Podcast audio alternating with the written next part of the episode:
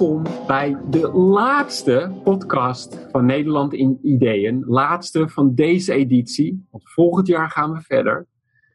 En uh, in deze podcast, of met Nederland in Ideeën, hebben we jaarlijks een vraag. En die laten we dan beantwoorden door honderd bekende en minder bekende Nederlanders.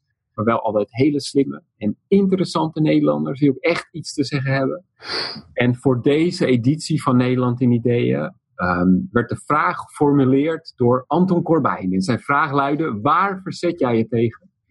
En dus in elke aflevering van deze podcast, we hebben er volgens mij nu 18 gemaakt, bespraken we drie van die antwoorden. Dus van drie verschillende auteurs van Nederland in Ideeën. En um, we bespraken dat met mij, Tim van Opijnen, altijd live vanuit Boston, waarin, uh, waar ik onderzoek doe aan Boston College, aan antibiotica-resistentie. En daarnaast hebben we mijn twee goede vrienden aan de andere kant van de oceaan. Uh, voor de negentiende keer uit Wageningen. Uh, Mark Geels, medeoprichter van Nederland in Ideeën. En uit Rijpwetering, dat zojuist bijna weggespoeld is, Sander Ruis, oprichter van Maven Publishing uh, en ook mede-organisator van Nederland in Ideeën. Ja, we, vanavond, uh, we hebben natuurlijk uh, het neusje van de zalm voor het laatst bewaard. Ja. vanavond, of het zijn gewoon de laatste plekken op de wachtlijst voor als er iets vrij kwam. Dat mag de luisteraar na afloop van de podcast gaan beslissen. Uh, het is ook uniek, want uh, deze podcast gaan we maar twee antwoorden beluisteren. en ik zal ze uit, uit, ik zal de luisteraar uit zijn spanning helpen. vandaag krijgen we het antwoord van Tim van Opijnen en Mark Geels. Dus uh, ja. jezelf becommentariëren, mannen. Nou, jongens, uh, het, het, het, belooft wat. En wat misschien wel uh, even leuk is om te weten, uh, en iets wat we eigenlijk al veel eerder misschien kort hadden moeten vertellen, maar het is ook wel misschien wel mooi om aan het einde het begin te vertellen, is um, even kort hoe, hoe is Nederland in ideeën ontstaan? Hoe, hoe zijn wij bij elkaar gekomen? Want dat was niet Um, het was een beetje, nou niet, het was zeker een beetje serendipitous. Um, ik denk dat alles begonnen is bij, bij, bij Science Palooza, wat, wat, wat Tim's idee was. Tim, vertel eens iets over Science Palooza. Oké, dus heel kort. Uh, toen, uh, toen Mark, jij en ik onze promotie deden aan het AMC, virologie. Toen um, eh, ik was nogal verbolgen, denk ik, in die tijd over dat er nou nooit eens jonge wetenschappers uh, in het nieuws waren die dan over onderzoek vertelden. Maar het waren altijd die oude professoren die uh, het woord mochten doen, want die blijkbaar hadden altijd het laatste woord en het meeste te vertellen. Daar was ik het helemaal niet mee eens dat kon veel beter gedaan worden door de mensen die echt het werk doen in het lab. Precies. Nu, nu kijk ik daar natuurlijk heel anders tegenover. nu ben ik een van die uh, professoren, dus ik doe nu graag het woord, nog steeds. Maar bij deze generatie is het helemaal anders, toch Tim? Nu doen de oude mensen echt het werk uh, bij jou. Ja, inderdaad, zeker weten. Ja, dus, uh, dus ik dacht dat het anders moest. En, en een, van de, een van de dingen die we toen zijn gaan doen is um, om interessante en coole uh, ontdekkingen in de wetenschap kort op te schrijven en te presenteren aan een, uh, nou ja, aan een, aan een uh, leken publiek. En dat was met Science Palooza, met de blog. En daar wonnen we toen een hele mooie prijs voor, voor beste wetenschappelijke blog van Nederland. In het eerste jaar? In het eerste jaar, ongelooflijk. Dat was heel leuk. Dat was een leuk feestje ook. Ja. Um, en toen kregen we een uitnodiging van de Volkskrant en van de Groen Amsterdammer om wekelijks een uh, column te verzorgen in uh, die bladen. En dat hebben, zijn we toen ook gaan doen. En Science Palooza bestond toen uit iets van 10 tot 15 um, uh, jonge wetenschappers die allemaal hun promotie aan het doen waren in allerlei verschillende onderzoeksgebieden. En Mark en ik waren daar een klein onderdeel van. En dus werd er elke week geschreven en toen dus ook elke week in de Volkskrant en in de Groene. Precies. toen schreef Mark een stuk in de groene. Over um, Edge. en edge.org, .org, wat een, een echt een heuse, ja, een heuse salon is, om het zo maar te zeggen, een online salon waar ehm, denkers bij elkaar komen, vooral uit het, het anglo-saxische domein, om het maar even keurig te zeggen. En daar zitten mensen zoals Steven Pinker, uh, Sergey Brin, Richard Dawkins. Richard Kahneman. Kahneman, uh, echt de crème de la crème. Wat zij daar doen, ze hebben een online webstack um, en zo. En ze hebben uh, artikelen. Maar wat, wat leuk is wat ze daar doen, is dat zij daar ook de jaarlijkse vraag hebben. In het Engels, en vaak is het ook Steven Pinker die meehelpt om de vraag te verzinnen. En, en dan alle mensen in dat forum, en dat zijn er ongeveer stuk of 200, die schrijven daar een antwoord op. En dat publiceren ze allemaal gratis op de website. Maar dat wordt wel jaarlijks, wordt daar, de beste stukjes worden daarvan gebundeld. En, um, en ik vroeg me af, waarom hebben wij dat niet in Nederland? Hè? Um, uh, waarom is er in het Nederland, in het Nederlands sprekende domein, laat ik het zo zeggen, en waarom hebben we dat niet? Twee dagen later, nadat ik dat geschreven had, waar is de Nederlandse salon? Dat er een ene Sander Ruis van Maven Publishing in mijn inbox hing. En zei, hey, zullen we niet eens praten? En, en toen zei ik, ja, is goed, maar dat moet wel via Skype, want ik woon in Duitsland. En um, toen hebben we een Skype ge gehad. En uh, niet snel daarna een Skype met, uh, met z'n drieën. En eigenlijk, uh, fast forward, wat was het? Zeven maanden ongeveer, zeven, acht maanden. En toen lag de eerste editie van uh, de Nederlandse Edge, om het zo maar te zeggen, in de boekwinkels. Ja. Um, Misschien om, uh, om daar even op uh, aan te haken, Mark. Want die, wij gaven toen met Maven Publishing al een aantal jaar ook de Nederlandse vertaling uh, van Edge uit. Precies. Um, dus wij waren inderdaad, en ik was ook van mening dat er iets miste eigenlijk nog in Nederland op dat gebied. En um, ik denk ook dat, dat dat nog steeds zo is. Ik weet dat er dat je zou kunnen zeggen, er zijn allerlei platforms die natuurlijk aan de popularisering van wetenschap werken. Um, maar uh, wat ik echt miste, en waar jij het ook in jouw stuk over had, is een uh, salon die dus uh, niet alleen maar probeert wetenschap heel helder uit te leggen, maar meer op zoek is naar interactie tussen wetenschap, cultuur, samenleving en het uitwisselen van ideeën daartussen. Um, en dat, dat is natuurlijk super belangrijk, maar dat is ook vaak heel uh, abstract en conceptueel als je dat zegt. Mm-hmm. Um, en dat is denk ik het hele slimme van uh, Edge. Want wat hebben zij bedacht? Ze hebben de magie van het vragen stellen uh, herkend en de vraag helemaal op een voetstuk gezet. Het idee van een vraag. Uh, omdat als je één vraag stelt en dan met z'n allen hem gaat beantwoorden, dan krijg je vanzelf uh, een, een, een, een, discussie over. je kan een vraag vanuit duizend verschillende expertisegebieden beantwoorden. Maar um, iedereen denkt over dezelfde vraag na en dan brengt je onherroepelijk dichter bij elkaar, ook al ben je een, een rapper en een, en een deeltjesfysicus heb je toch over dezelfde vraag nagedacht. Uh, dus dat brengt die gebieden dichter bij elkaar. En daarmee is het meer een salon dan een, een, uh, een, een populair wetenschappelijk tijdschrift. Precies. Nou, dus, en ehm, inmiddels zijn er dus al vier edities van Nederland in Ideeën. deze podcastserie was de eerste podcastserie, maar ging over de vierde editie. En aan het eind van deze aflevering zullen wij ook uh, onthullen wie de volgende curator wordt. Uh, van uh, de vijfde editie, het eerste lustrum van Nederland. Cliffhanger. Ja, dus. En wat, wat me leuk leek, Mark, om nog heel even te doen, is misschien zeggen de, de verschillende edities.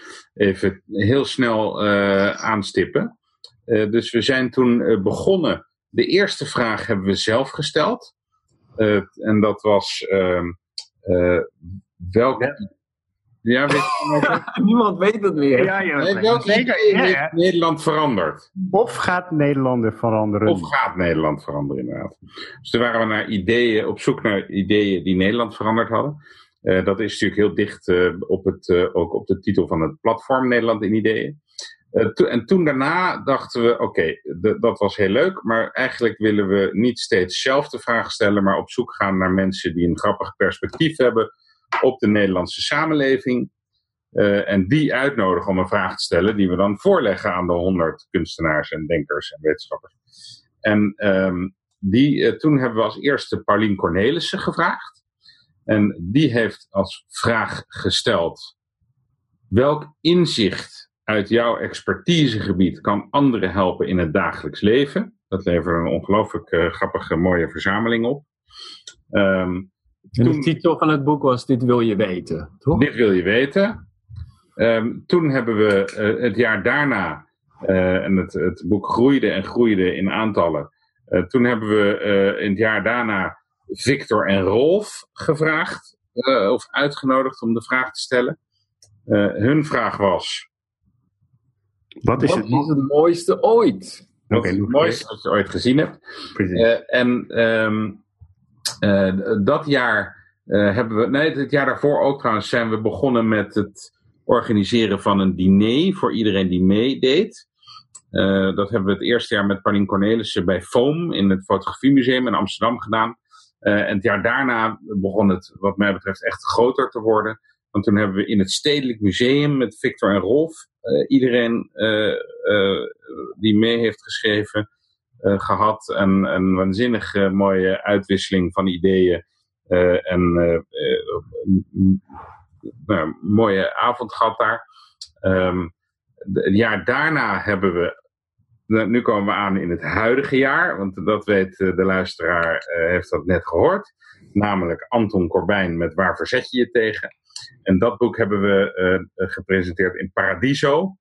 Um, met ook weer met Anton Corbijn en alle sprekers, of alle denkers. En wat we dan ook doen, dat is misschien ook leuk om even te weten, is dat we dan eigenlijk het thema tot leven brengen door mensen vragen te laten stellen op die avond. Elke tafel stelt een vraag. En die vraag wordt dan voorgelegd aan een andere tafel en die moet die vraag dan weer beantwoorden. En dat leidt tot allerlei mooie discussies op, op deze avond. Ja, dat is altijd, altijd geweldig eigenlijk. Ja, het is altijd heel goed. Ja, het, dus nou ja, het is misschien wat uitgebreid, maar ik dacht het is toch leuk om dat eventjes allemaal uit te lichten. Um, maar volgens mij moeten we nu door naar de twee hekkensluiters. En de eerste auteur van vandaag is Tim van Opijnen. Uh, geboren aan de Nederlandse uh, Noordzeekust. Onder de rook van de hoogovens. Uh, studeerde biologie aan de UvA, promoveerde op de, op het, uh, aan het AMC, dus dat is officieel aan de UVA, en keek vooral naar, uh, naar fitness van verschillende soorten HIV-virussen. emigreerde daarna naar Massachusetts, waar hij ging werken als postdoc aan Tufts University. Um, en maakte daar de overstap van virussen naar bacteriën en um, had zijn moment of glory toen hij als een van de eerste een nieuwe moleculaire techniek, TNSEC, uh, ontwikkelde en publiceerde, waarmee je uh, eigenlijk uh, overnacht heel snel van hele grote groepen bacteriën hun, um, hun fitness, hun sterkte, hun replicatiekracht kan bepalen en zo kan zien welke genen belangrijk zijn voor survival en niet. En um, he is still riding that wave. Hij heeft nu een professorspositie aan uh, Boston College, um, net buiten uh, Boston, uiteraard. En hij heeft een stukje geschreven. En runt het Van Opijnen Lab in Boston. Precies. Ja. ja, en, het, en die techniek heet TNSEEK. Uh, in Nederland wordt het altijd, alle Nederlanders zeggen altijd TNSEC, maar dat is niet... Oh, oh, oh, oh, oh. Nou ja. En Tim eh, heeft een stukje geschreven, en daar gaan we nu naar luisteren. En dat heet Vandaag even niet. Vandaag even niet, door Tim van Opijnen. In het midden van nergens in New Hampshire in de VS fokt Nancy, een klein vrouwtje, als een 30 jaar rashonden. Mijn vriendin en ik waren bij Nancy en haar 25 jaar jongere Mexicaanse vriend José op audiëntie om in aanmerking te komen voor een Shiba Inu. In het huis van Nancy trok de keukentafel mijn aandacht. Daarop lag een dubbel dikke biografie van niemand minder dan Donald Trump te schitteren.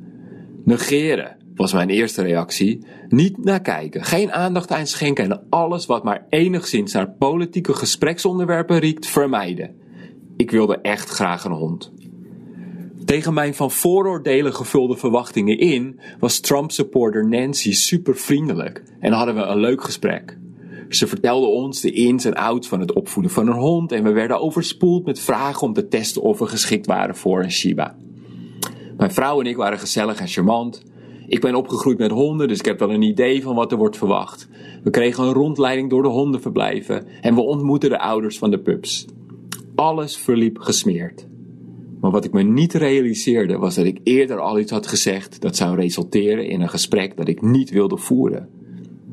Eenmaal buiten, zittend in het gras naast het huis aan de rand van een dennenbos, met op de achtergrond de White Mountains, kwam Nancy met een vraag die tegelijk dienst deed als statement. Jij als wetenschapper kan me dit vast uitleggen. Hoe komt het toch dat 99% van de wetenschappers niet gelooft in klimaatverandering, terwijl Obama en die democraten ons maar blijven lastigvallen met hoe het klimaat aan het veranderen is en ze nu zelfs belasting willen heffen op CO2? Oh, ik had nooit moeten vertellen dat ik wetenschapper ben. Verschillende scenario's schoten door mijn hoofd met als doel de confrontatie te vermijden en zo snel mogelijk huiswaarts te keren.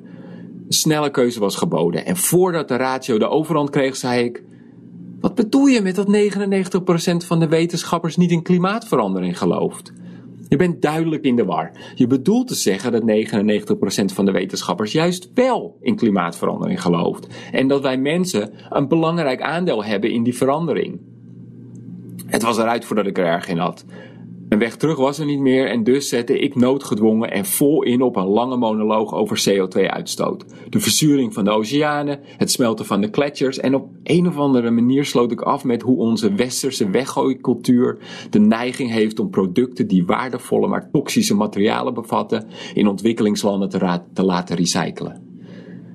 Een stilte volgde. José ging nog wat te drinken halen en mijn vrouw keek me aan met een blik van: ah, we moesten maar eens gaan. Een hond zat er niet meer in. Maar de zin die Nancy begon met: Maar Fox News zegt, vloeide naadloos over in: Maar dat is ongelooflijk. Hoe kan het nou dat ik dit nu pas voor het eerst hoor? Tja, iets met Fox News wilde ik nog zeggen, maar ik slikte het in en genoot even van het effect dat ik blijkbaar had gehad. We zijn nog wat langer blijven hangen en meerdere malen terug geweest om een maand later onze hond op te halen. Kijk, ik beschrijf dit niet omdat ik het een goed voorbeeld vind van waartegen ik me verzet, maar omdat het aangeeft dat ik intern verdeeld ben tussen mijn ratio, dat zonder conflicten door het leven wil, en mijn hart, dat soms lukraak reageert en verzet pleegt. Mijn ratio heeft voornamelijk de overhand, waardoor ik hard werk en mijn leven vul met een constante stroom aan dingen die ik wil doen en waarvan ik denk dat ze van me worden verwacht. Maar soms, al is het maar voor even, wint mijn hart. Vooral als ik word geconfronteerd met ongelofelijke stupiditeit. Bijvoorbeeld, bijvoorbeeld wanneer opinies worden verward met feiten, zoals je vaak op de tv of radio kan zien en horen. Dan denk ik in mijn boosheid: daar moet men iets aan doen. Om enkele momenten later terug te keren naar mijn to-do-lijstjes en volgende meeting. Mijn interactie met de hondenfokker werd gedreven door een reflex en resulteerde in een moment waardoor ik me onbedoeld als men liet gelden. Ik boekte daarmee, denk ik, een klein succesje, maar op het niveau van de maatschappij heeft het natuurlijk nul effect. Ik zou me dan ook veel vaker met men moeten vereenzelvigen. Maar vandaag komt meestal gewoon even niet uit. En daar zou ik tegen in verzet moeten komen. Ja, jongens, moet ik dit nog uitleggen of hebben jullie het begrepen? Nou, vandaag even niet. nou, wil, wil, je een voetnoot plaatsen of, uh, of, of, of, uh, of, wil je. Nou, ik, ben eerst wel, ik, ben, ik wil eerst wel horen wat jullie erover te zeggen hebben. Dan kan ik wel zeggen dat je het totaal niet hebt begrepen. Ah. Dus, uh, of je hebt, misschien heb je er wel niet over te zeggen. Misschien ja, nu kan de auteur terugpraten. Dat zijn we helemaal niet gewend nee. aan deze podcast. Nee, ja, ik denk uh, dat is misschien ook een groter thema uh, in, uh, in, in deze serie gesprekken waar ik zo van genoten heb uh, de afgelopen tijd. maar Tim, dat, um, jij legt de lat ook heel hoog volgens mij in het, ook in, in, in deze missie. Hè? In het uitdragen van, van de wetenschap of het recht zetten van dingen die misschien buiten je invloedssfeer liggen. Die, um, uh, en en uh, dus je insteek is uh, dat, het, dat het niet genoeg gebeurt en dat je het niet genoeg doet.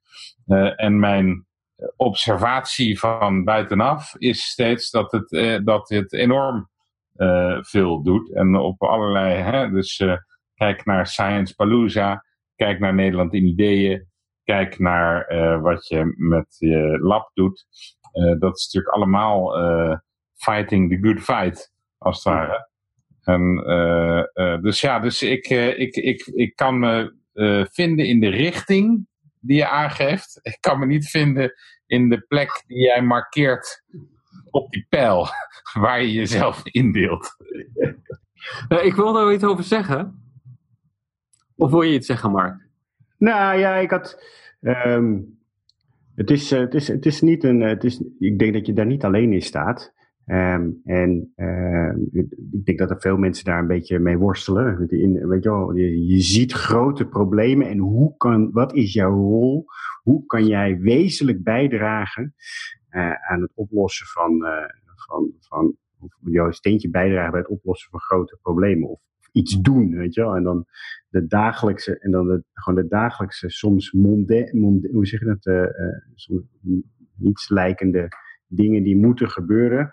Houden je beslommeringen. beslommeringen, houden je tegen. Of, uh, ja, en zeker ook in een, in een maatschappij waarin elke beetje held instantelijk bekend wordt en, en viral gaat.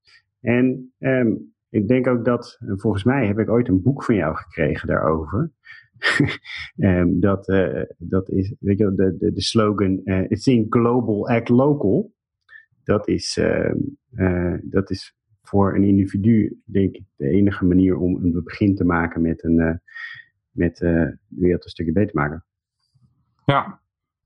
Um. ja. Maar eh, na het lezen van het boek en, en, en toch ook nog steeds uh, mijn eigen stukje. Ik, had, ik heb toch wel een beetje het idee dat we.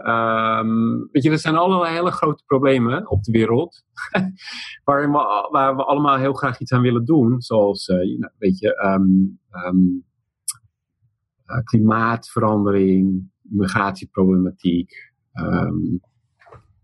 nou, noem er nog maar een paar. oorlog, hongersnood, al dat gedoe allerlei grote problemen. En daar, willen we, daar, daar, hebben we allemaal iets over te zeggen. En daar willen we allemaal graag iets aan doen.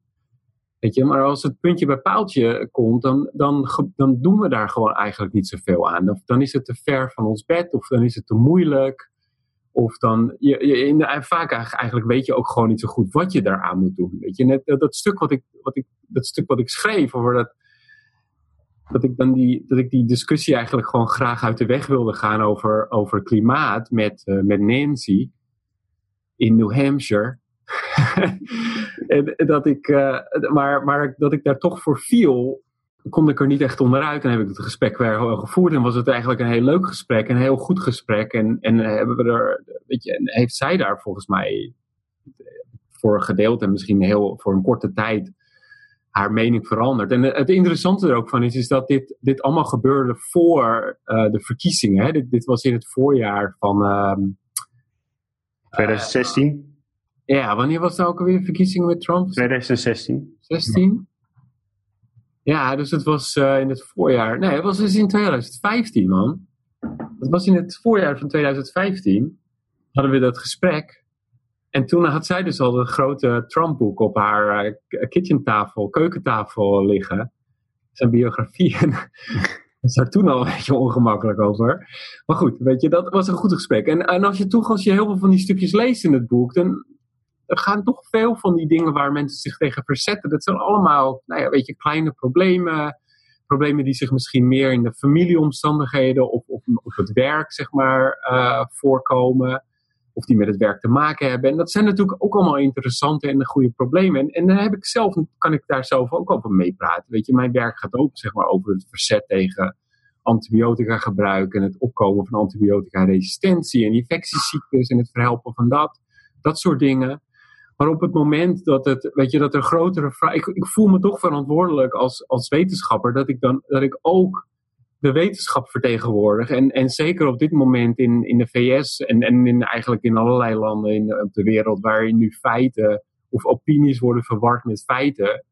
Weet je, dat, voel ik me toch ook steeds verantwoordelijk dat ik, dat ik daar ook een bijdrage aan moet doen. En dat ik daar ook tegen in opstand moet komen. En dat ik, dat ik daar ook het, op woordje mee over mee moet praten. Maar op een gegeven moment wordt het. Dat, dat gaat niet. Dat, dat, dat, ja, dat begrijp ik ook. Maar zou dat niet meer te maken hebben met uh, het feit dat je te ver kan kijken of te veel kan zien, uh, in plaats van dat je te weinig doet? Want, uh, het is toch ook een soort van excuus, toch juist? Het, wat ik kan, ik kan ook zeggen, en, en dat is ook een beetje wat ik, wat, wat, je, wat ik soms teruglees in die stukjes van andere mensen, is dat het is ook een beetje een excuus van ja, weet je, ik doe al dit en ik doe al dat. En um, zo een beetje... ik, ik, vind dat, ik vind dat helemaal geen excuus. Want uh, is het niet zo dat je via je. Kijk, je kan wel je baan laten liggen om uh, iets, iets uh, anders te doen. Maar ik heb ooit een keer een heel inspirerend praatje van een imam gehoord in het Engels. en die zei: Het maakt niet uit wat je beroep is, zorg dat je er goed mee doet. Dus het, het, eh, liefdadigheid gaat er niet om dat je in een gaarkeuken moet gaan staan. Uh, terwijl dat natuurlijk fantastisch is als je dat doet. Maar hij zei, als je een advocaat bent, zorg dat je een goede advocaat bent. Als je een uh, arts bent, zorg dat je het op een goede manier doet. Als je een bankier bent, zorg dat je een goede bankier bent. Als je een investmentbanker bent, zorg dat je een goede investmentbanker bent. Dus je kan in elk beroep, kan je natuurlijk goed zijn voor de wereld.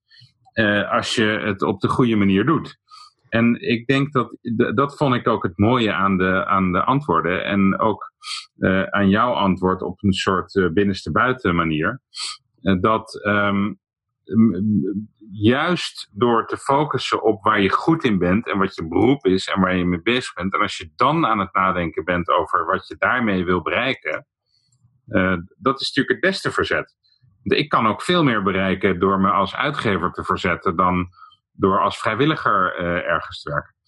Terwijl dat nog steeds uh, niet wegneemt dat het hartstikke mooi is als je als vrijwilliger ergens werkt. Maar het grotere impact heb je waarschijnlijk in je, in je eigen expertisegebied. Toch? Hij, ja. hij, hij knikt. Voor de luisteraar. Mensen, hij knikt, ja. Dus uh, keep up the good work, man. Gaan we door naar uh, Mark? Yes. Want die heeft eigenlijk, uh, wederom vinden we raakvlak in de uitzending. Want Mark haakt hier vrij goed op in. Maar eerst laten we het even aan Tim over om op hem op wervende wijze te introduceren. Uh, Mark, is, uh, ja, Mark is, leeft met één voet in uh, Nederland en één voet in de VS als halve Amerikaan. Al hoor je dat niet aan zijn accent. Nee, maar er zit wel heel veel Engels doorheen geladeerd. Yes, altijd. Ja. Nou, Mark is natuurlijk gepromoveerd als viroloog. Heeft ten eerste gestuurd aan een andere universiteit in Amsterdam. In Amstelveen. Vrije Universiteit. Uh, is uh, viroloog en, en voormalig programmamanager bij de Amsterdam Health and Technology Institute. En daarvoor nog bij uh, Nobulon. Toch, Mark? Ja, onderdeel van het uh, ter ziele gegaane Organon, helaas. En tegenwoordig is Mark werkzaam bij Intravac, of de Institute for Translational Vaccinology, waarin hij vaccins maakt tegen bacteriën. En hij heeft een uh, heel interessant stukje geschreven. Mijn naam is Mark Geels en ik verzet me tegen dan toch niet.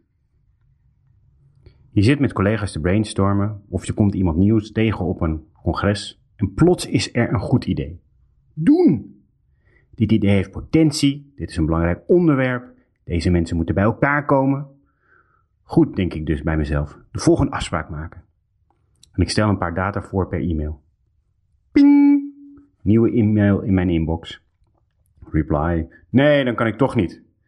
Je scrolt nog even naar beneden om te kijken of er misschien een alternatief wordt aangeboden, maar nee, helaas. Tegen deze ideeën tegenhouder, conversatiestopper, afsprakenblokker verzet ik me. Er is een idee waar we even verder moeten. We willen dit plan toch ten uitvoer brengen, mensen bij elkaar brengen, de wereld veroveren. Hoe komt het dan dat men eerst A zegt en dan B niet doet? Het zijn activiteiten of projecten die in de basis uitvoerbaar en betaalbaar zijn en ook nog binnen de wil, strategie en het vermogen van het individu en de groep. En dan worden ze toch niet uitgevoerd. Mensen kunnen soms een totaal andere agenda hebben.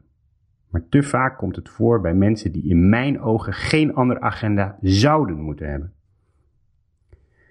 Ik geef een paar voorbeelden uit mijn vakgebied. Ik geef een paar voorbeelden uit mijn vakgebied. Global Health, waarin ik samenwerk met wetenschappers, artsen, verzekeraars en bedrijven. Hoge bloeddruk is een groot gezondheidsprobleem wereldwijd en een regelmatige controle van de bloeddruk is essentieel. Door middel van moderne aan mobiele telefoons verbonden bloeddrukmeters kunnen we hoogwaardige zorg bij patiënten thuis leveren. Niet alleen in Nederland en in de VS, maar ook in landen als China en Kenia, waar veel meer patiënten met een hoge bloeddruk zijn die geen toegang tot goede zorg hebben. Artsen zeggen eerst: goed idee. Maar bij de uitwerking: hmm, kan niet, werkt niet, ik heb geen tijd. Ander voorbeeld. Vaccins tegen tropische ziektes, zoals mijnworm, in het Engels hookworm, worden niet ontwikkeld. Hoewel er wereldwijd 700 miljoen mensen geïnfecteerd zijn, zegt een farmaceut, belangrijk probleem, maar kan niet, te duur. Terwijl in een recent rapport van PricewaterhouseCoopers laat zien dat deze producten zich in 15 jaar terugverdienen. Laatste voorbeeld. Onderzoek naar medicatie tegen malaria is gefragmenteerd. Harmonisatie van belangrijke analysemethoden kan ervoor zorgen dat resultaten wereldwijd onderling vergeleken kunnen worden, zodat studies niet herhaald hoeven te worden en er geen kostbaar onderzoeksgeld verloren gaat. Een belangrijke wetenschappelijke groep zegt: ja, natuurlijk doen. Maar als de boeken open moeten in verband met het vergelijken van details van resultaten en methodes, wordt er gezegd: hmm, ja, kan toch niet, doe ik niet aan mee.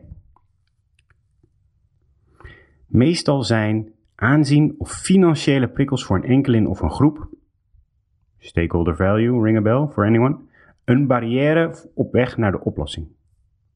Maar laten we dan daar open over zijn en geen valse verwachtingen scheppen.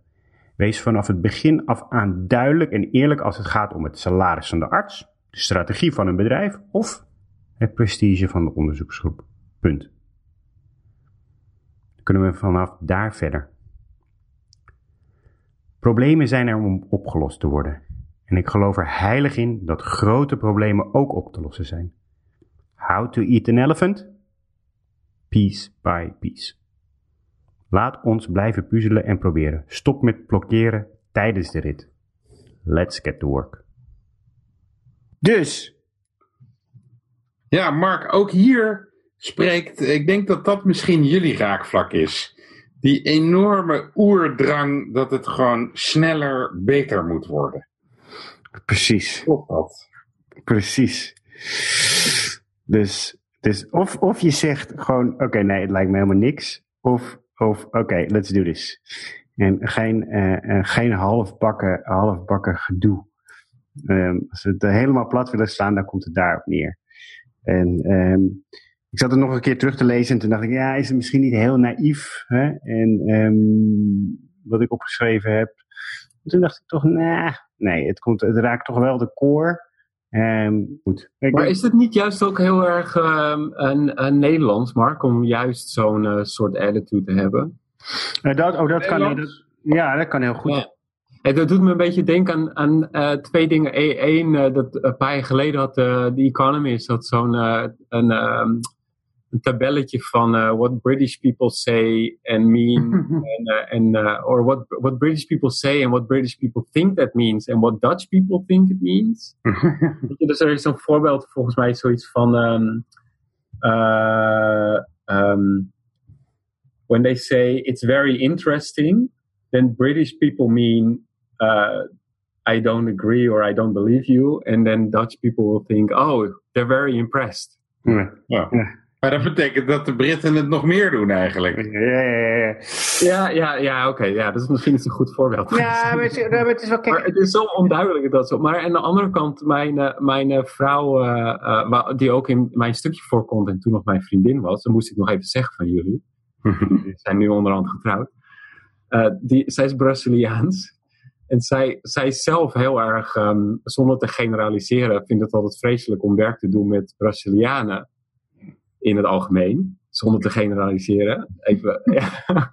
omdat omdat er, er wordt nooit nee gezegd. Het is altijd ja, natuurlijk. En wat leuk. En dat gaan we doen. En, en uiteindelijk wordt, gebeurt er helemaal niks. Want de, de, de bedoeling daarachter is gewoon totaal anders.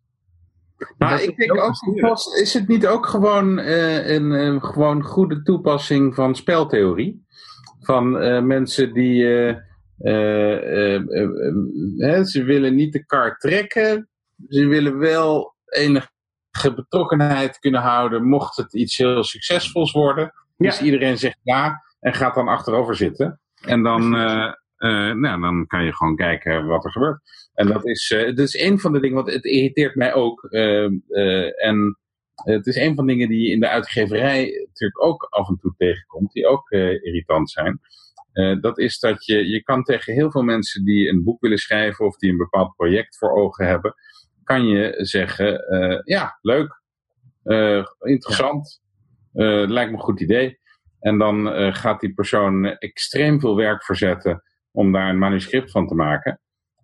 En dan zit je er als uitgever heel vrijblijvend in. Want jij doet dat werk niet en je kan kijken wat er langskomt. Ja. Um, en uh, dat is iets waar ik me als uitgever tegen verzet.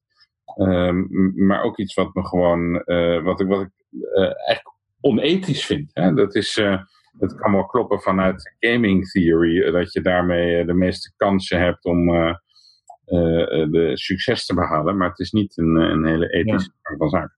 En dat, maar, jullie, maar, jullie hebben, maar jullie hebben allemaal... Weet je, Mark, jij hebt in Duitsland en, uh, gewerkt en, uh, en natuurlijk in Nederland. En je hebt uh, roots in Amerika en, en Sander heeft in Amerika gewerkt. Maar, maar heb je het idee dat het, dat, het, um, dat het er anders aan toe gaat? In bijvoorbeeld Duitsland of in, in Amerika? Of misschien in, je bent ook natuurlijk, je doet ook werk. Ja, daar de, de, het gaat eigenlijk om de motieven. Hè? Wat, zijn de mensen, wat zijn de motieven van de mensen om, om, om ja te, A te zeggen en dan niet B te doen? En um, ja, het klopt dat ik al een Hollander ben uh, deels. En dat ik zeg, oké jongens, uh, snel doorpakken, huppakee. Terwijl er bij andere, bijvoorbeeld dat zie je heel vaak met Chinezen, gaat het toch veel meer om een relatie opbouwen. En kijken en wat voor vlees hebben we in de kuip. En uh, moeten eerst drie keer uit eten en even aan elkaar snuffelen. En zien wat, zien wat of we echt met elkaar door één deur kunnen. En vertrouwen wekken. Dus, dus dat, daar ben ik wel Um, maar het gaat vooral, ja, ja, nee, soms, soms, soms, soms struggle ik daar wel eens mee. En, um, um, maar ik heb, ik heb het toch wel, wat ik nog steeds wel een interessante vraag vind, en je gaf niet helemaal antwoord erop, denk ik, maar ik begrijp wel je probleem, maar ik heb toch het idee dat het in Nederland dat het, dat het minder is dan in andere landen. Ik bedoel. Ja, minder inderdaad. Dat, ja, dat zou ik ook eerder denken. Omdat, omdat ze zo. Uh, om, uh, als we één ding zijn, is het direct. Ja. En krijg je eerder de, de reactie. Nou, dat vind ik echt een slecht plan. ja. Toch? Dat is wel een Nederlandse reactie. Ja, ja, ja. Waarom zou je dat nou doen? Vind, ik, ik, weet je, ik, ik woon hier natuurlijk uh, in Amerika nu al, uh, al uh, jeez, um, elf, elf jaar geloof ik alweer. Ah man, dat is wel weer lang hè. Ja. Um, en uh, nu, weet je, dat ik, dat ik mijn eigen groep leidde met, met uh, 15 mensen in mijn groep. En van allerlei verschillende nationaliteiten. Van Zuid, Midden-Amerika, Noord-Amerika, China, India, Europa. Dus iedereen komt altijd overal, of, iedereen komt overal vandaan. Maar wat, ik wel echt probeer te doen, is, is dat mensen direct met elkaar communiceren. En dat er iets wordt afgesproken, dat, daar, dat het ook gewoon wordt gedaan. En in het begin moesten mensen daar wel aan wennen. En ik, en ik wijd dit aan mijn uh, Nederlandse roots. Dus in ieder geval altijd een goed excuus. Om ja, dat, dat wou ik net zeggen. Dat wou ik net zeggen. Als het dan niet wordt gepikt, dan kan ik dat ook altijd als goed excuus Ja, precies. Ja, maar ik wil zo. Dat heb ik zo. I'm Dutch. dat is ons exportproduct. Ja. En um, en, en juist ook, ik probeer juist ook altijd heel erg open te communiceren met, met mensen. En, en mijn, mijn studenten en postdocs en de mensen die voor me werken, die, die, die hebben ook uh, studenten die voor hun werken.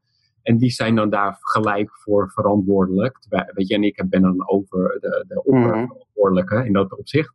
Maar, maar uh, weet je, kijk, zij moeten ook gesprekken met die studenten voeren. En dan zeg ik soms wel eens, oké, okay, ik wil daar wel bij zitten als, als, dat, als dat fijner voor je is. Maar dat je, je moet leren om zelf ook heel direct te, te praten met, met mensen. En één voorbeeld is dat een van mijn Chinese studenten, toen, um, een van mijn beste studenten in de groep, toen, toen zij in mijn groep kwam, toen was ze heel, uh, heel timide en, en heel um, uh, ingetogen en, niet, en, was ook niet heel erg direct in haar, in haar uitgangsvormen en, en in communicatie.